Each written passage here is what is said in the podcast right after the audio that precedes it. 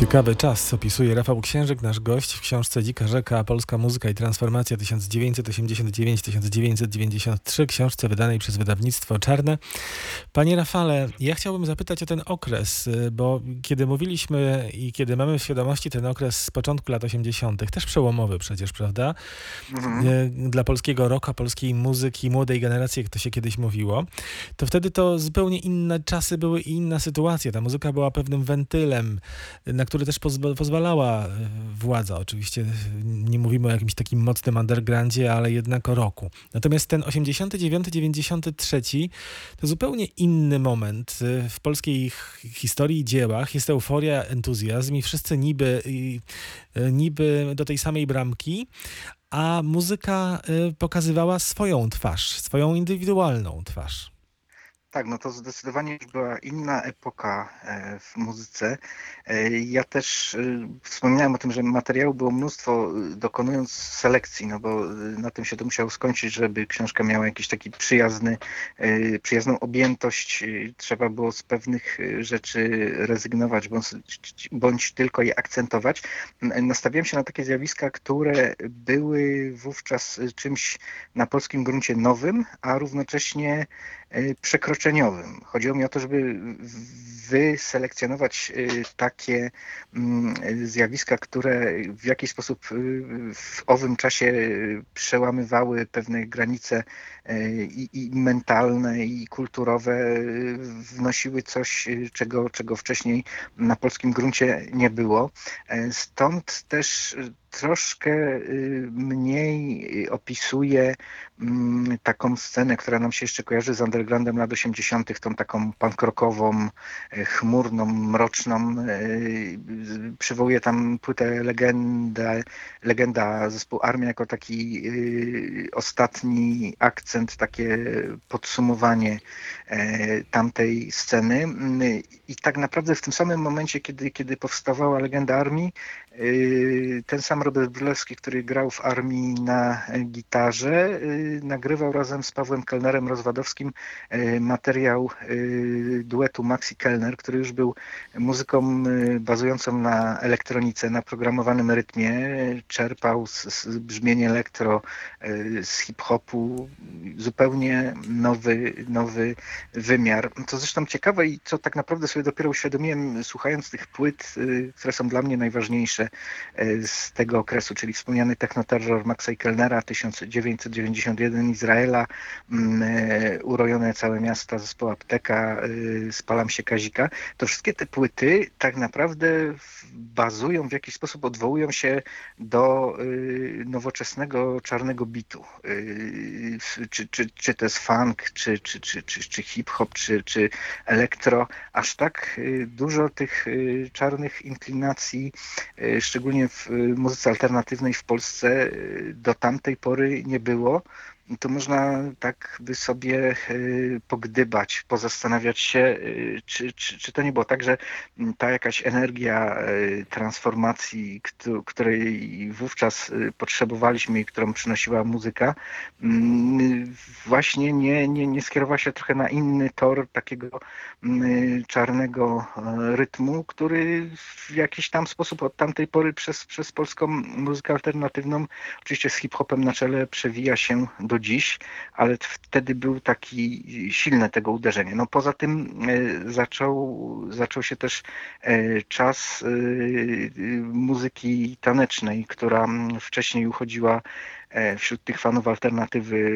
za obciach do dyskoteki się nie chodziło, tak? Nawet były przecież piosenki słynne pankrokowe, dyskoteka Kurwoteka, tak, zespołu WC a tutaj nagle pojawia się zjawisko e, na świecie nazwane rave'em, czyli, czyli nielegalne e, imprezy organizowane z udziałem pankrokowców, którzy znaleźli w, w takich dzikich, tanecznych imprezach inny, inny wymiar kontestowania rzeczywistości. E, Zresztą tak jak na przykład na świecie e, Joe Strummer z The Clash e, robił rejwy gdzieś tam w brytyjskich lasach, tak w Polsce Skandal, który był pierwszym i najsłynniejszym frontmanem zespołu Deserter, znudził się z e, pankrokiem i zaczął urządzać jedne z najpierwszych polskich rejwów. Co zresztą zabawne, to się dzisiaj wierzyć nie chce, e, ale te pierwsze mm, polskie rejwy grane były z kaset po prostu. No wtedy mało kto e, z takich odjazdowców miał tyle pieniędzy, żeby sobie kupić płytę kompaktową, o winylach, no bo do winyli też był gramofon potrzebny, to się w ogóle nikomu nie śniło, więc mm, te, te, te, te słynne imprezy to wszystko z kaseciaków. Takim ośrodkiem rejwowym, o, o czym też y, piszę, y, najważniejszym, bo po, po, powiedzmy stuprocentowo rejwowym był wtedy, była wtedy Łódź, gdzie te pierwsze imprezy robili pankowcy i używali do tego, wykorzystywali do tego takie różnego rodzaju miejskie nieużytki, jakieś tam opuszczone hale fabryczne, yy, podziemne bunkry. Troszkę podobna strategia odzyskiwania miasta, jak to robił wspomniany zespół Kormorany we Wrocławiu w, w troszkę innym anturażu miejskim. Yy, No to tutaj to, to miało miejsce już na gruncie, na gruncie takiej Mhm. stricte tanecznej, imprezowej muzyki. Panie Rafale, ja teraz pokażę słuchaczom e, okładkę tej książki, e, bardzo No charakterystyczną. Scena z y, bunkra pod Parkiem Poniatowskiego w Łodzi, bodaj 92 rok. To się nazywało ba- Bunker Punks Club. I to, y, to, to miejsce odkrył y, Wiktor Skok, znany dzisiaj jako lider industrialnej formacji Jude, która do tej pory gra, a, a takie były ich początki właśnie, gdzieś na przecięciu industrialu, punk rocka, tanecznej elektroniki. Fa- Fantastyczna, bardzo ciekawa okładka, ale w książce pan pisze też o klubie Kolor, który był w, w podziemiach w bunkrze pod wrocławskim placem Nowy Targ. Obecnie Da- jest tam parking. szpital z, z Tak. Breslau, tak, Tak, tak. który zmienił się w taką naj, największą imprezownię w, e, wrocławską. Tam grywał taki chyba, tak jak ja to pamiętam, e, najsłynniejszy DJ z Wrocławia z tych pionierskich czasów, który później w całej Polsce grywał, czyli Mniamos. Mniamos, I, tak. I on tam opowi- opowiedział mi e, historię zupełnie wstrząsającą, że kiedy ten klub ruszył i się rozpoczęły już naprawdę imprezy na e, kilkaset osób, później tysiąc, tam do, chyba do dwóch tysięcy osób wchodziło.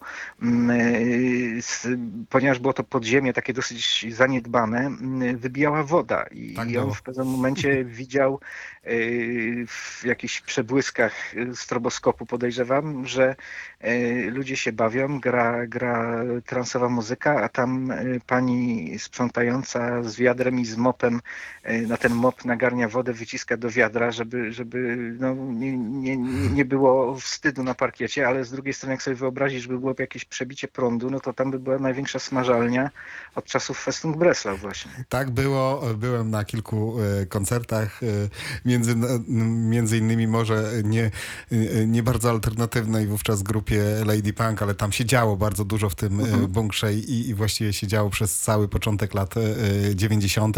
W tej chwili jest ta, e, tam parking e, wielki i kolejny znak czasów, można by było Tak, no powiedzieć. to jest też, y, jeszcze można by tę historię tak, a chociaż to już jest jakby smutny aspekt, e, podsumować właśnie przez pryzmat tych y, legendarnych miejsc tamtej epoki. Tu pan mówi o tym, o tym parkingu, tak, który zajął miejsce klubu. Mm, Z kolei na przykład dość wstrząsającym spostrzeżeniem e, dla mnie było to, jak sobie mm, czasami no, posługiwałem się też e, Google Maps, oglądając te miejsca, o których piszę, bo nie, nie, nie do wszystkich byłem od ręki w stanie mm, podjechać i oglądałem sobie takie miejsce, gdzie mieści się legendarny e, klub e, z tamtych czasów działający w Trójmieście, C14. To była wówczas taka podła dzielnica, klub był takim, można powiedzieć, pierwszym alternatywnym domem kultury, bo tam działały redakcje zinów, odbywały się koncerty, odbywały się projekcje filmów. y, y, No, taka po prostu działalność y, wielowymiarowa.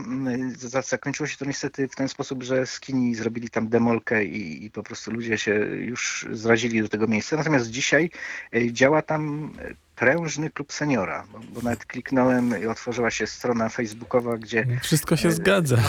Seniora no, takiego tak właśnie rockowego, tak? bo tam był, tam był film, gdzie seniorzy śpiewają piosenkę Jedzie pociąg z daleka i tam starałem się wypatrzeć, czy, czy, czy nie ma wśród nich jakichś mm, weteranów Totartu trójmiejskiego, ale, ale oni jednak jeszcze się seniorami nie czują i, i cały czas działają. Ale to wie, wię, więcej takich sytuacji. No, ten słynny warszawski klub Fugazi, który był pierwszym w Polsce klubem, k- gdzie codziennie był rokowy koncert, dopóki mafia się tam nie podłączyła, bo stwierdzili ci panowie smutni, że skoro jest taka zabawa, to nie muszą mieć udziału w zyskach. No i wykończyli to miejsce.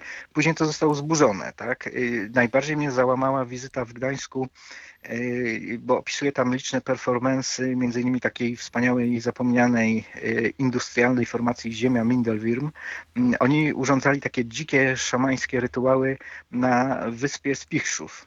Dzisiaj, jak się idzie na wyspę Spichrzów, no to ja osobiście y, zbieram je na wymioty, bo to malownicze miejsce zostało dosłownie y, no, aż y, co do ostatniego centymetra zabudowane jakimiś takimi inwestycjami deweloperskimi, że tam jest i hotel Hilton, i, i jakieś mm, barowo-knajpiano-hotelowe mm, imitacje Panie Rafale, kamienic. To ja bym się tutaj, te, tutaj wtrącił, ponieważ to też jest refleksja po e, pańskiej książce, że kiedyś wędrowaliśmy od lat 80., wędrowaliśmy po różnych miastach właściwie. Każda Mhm. takie, no nie każde rzecz jasna, ale były takie centra różnych e, e, gatunków muzyki, Reggae to była środowisk. Łódź, dobrze pamiętam? Reggae to była Łódź?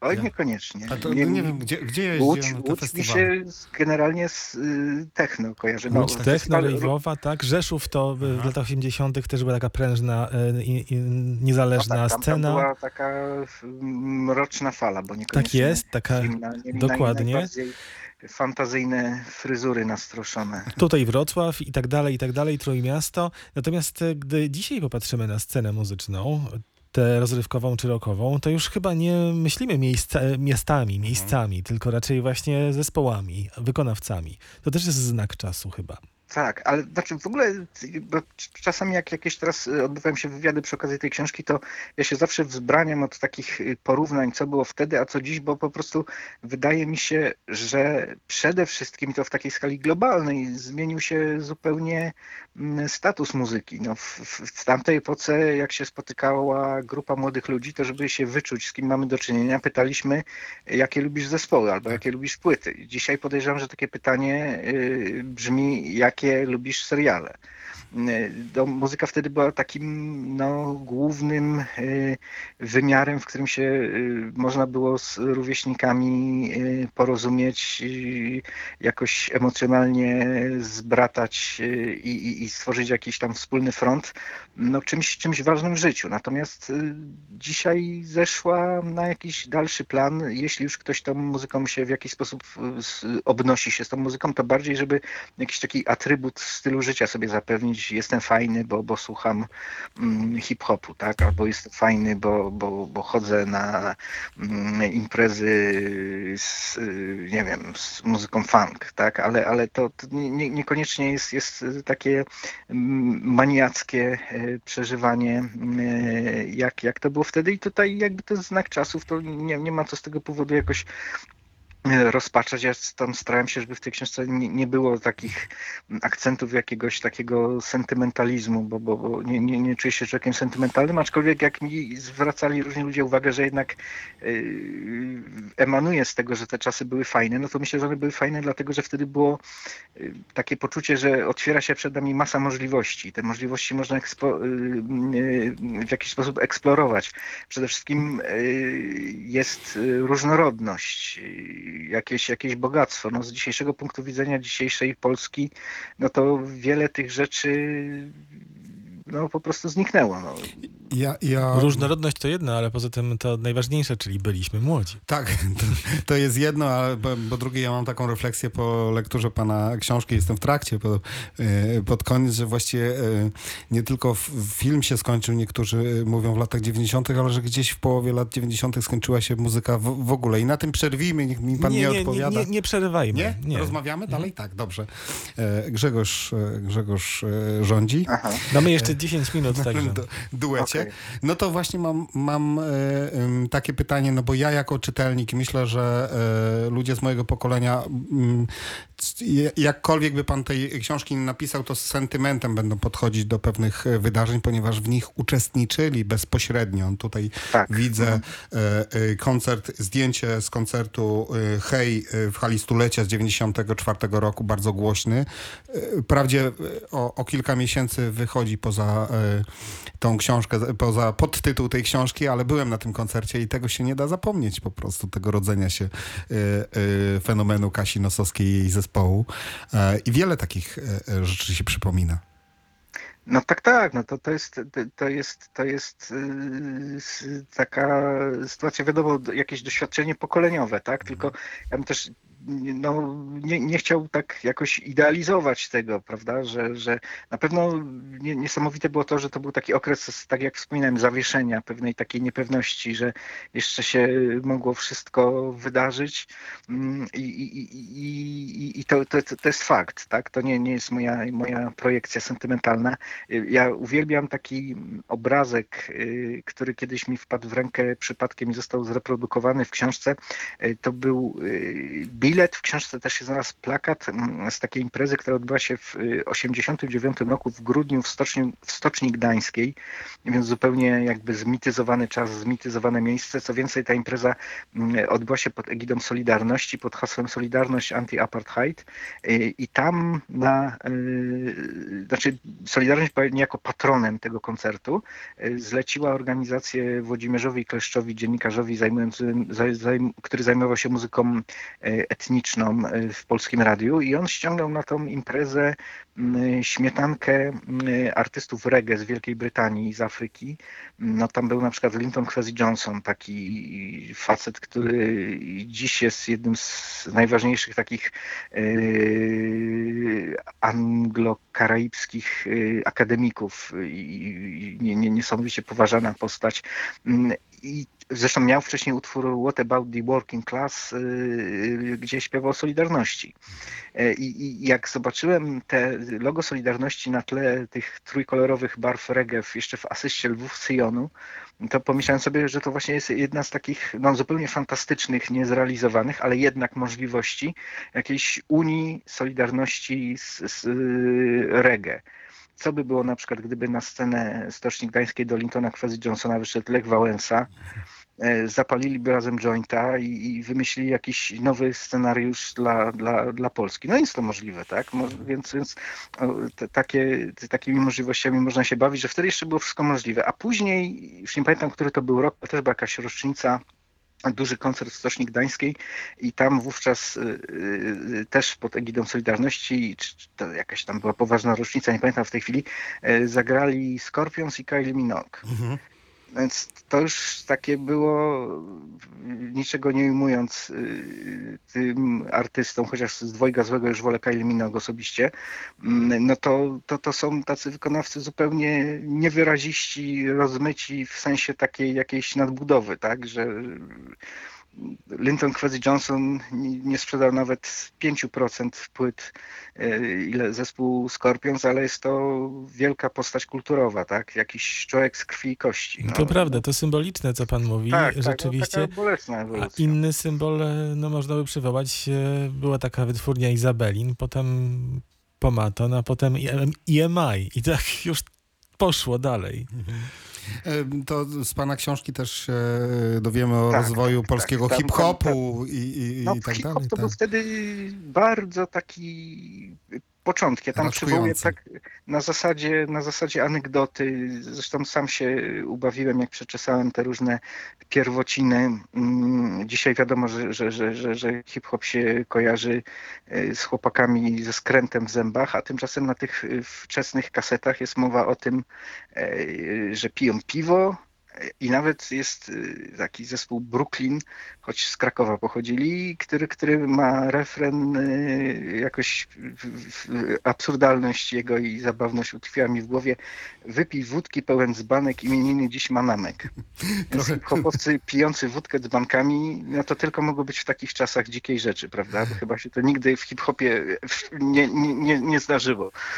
Trochę cytatów e, wszelkiego rodzaju muzyków też w, w pana książce e, jest. Ja chciałbym jeszcze mm, zapytać, bo wspomniał pan, że jest taki nawrót do lat 90. w literaturze. E, No na pewno w literaturze faktu był, był taki moment e, zachłyśnięcia się tymi gangsterami z lat 90., tymi mafiami pruszkowskimi, masa, kiełbasa i tak dalej, i tak dalej. Tak, tak, tak, no to cały czas trwa. Teraz jest trend, bo ja teraz pracuję w wydawnictwie książkowym, więc siłą rzeczy śledzę wszystko, co się na polskim rynku książki dzieje jest na przykład teraz trend romanse mafijne, tak?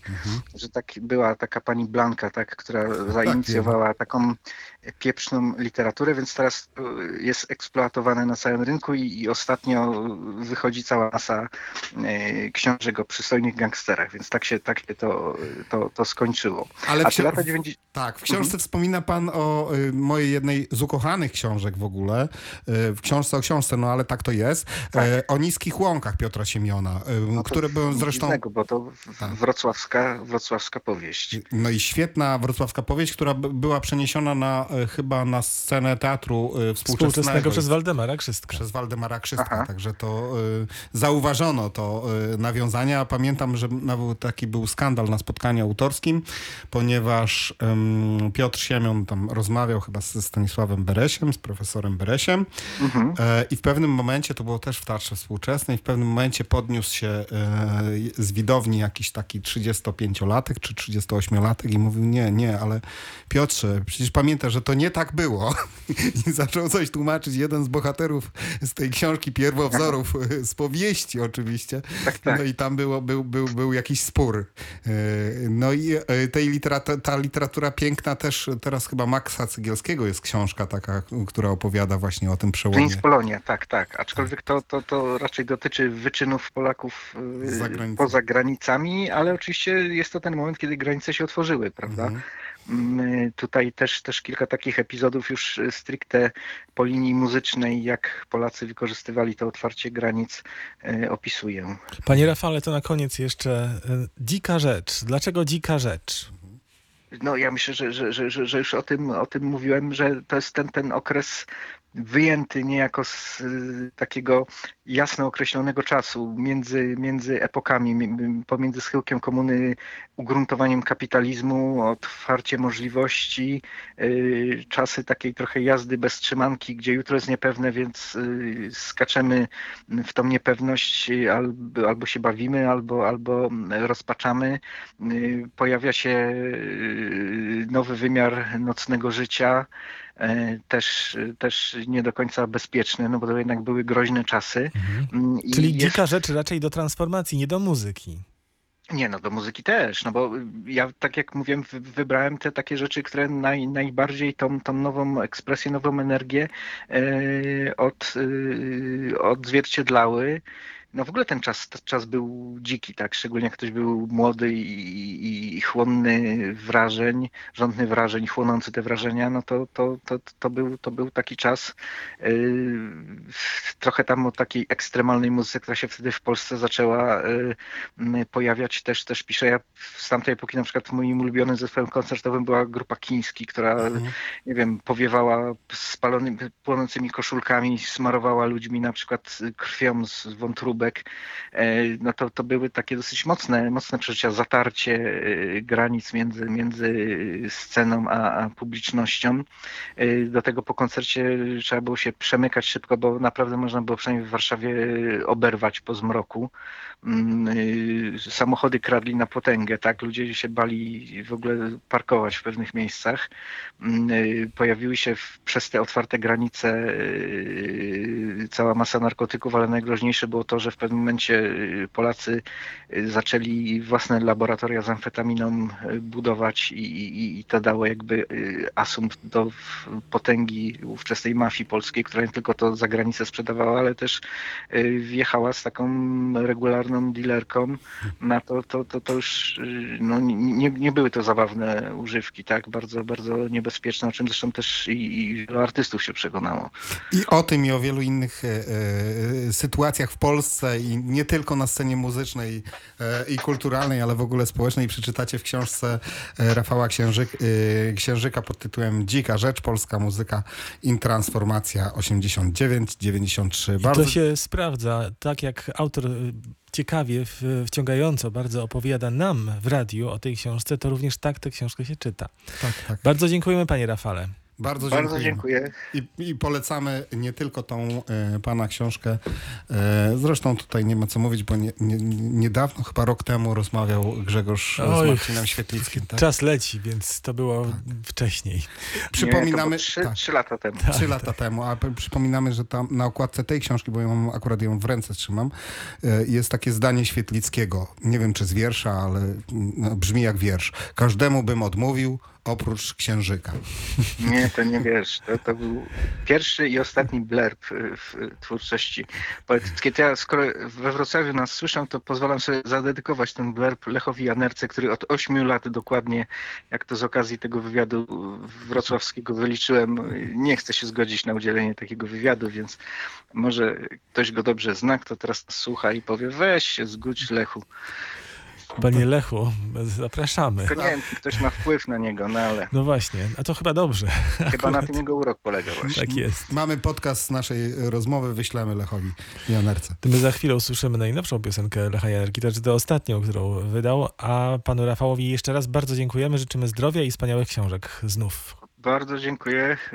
Do widzenia, do usłyszenia. Pozdrawiamy.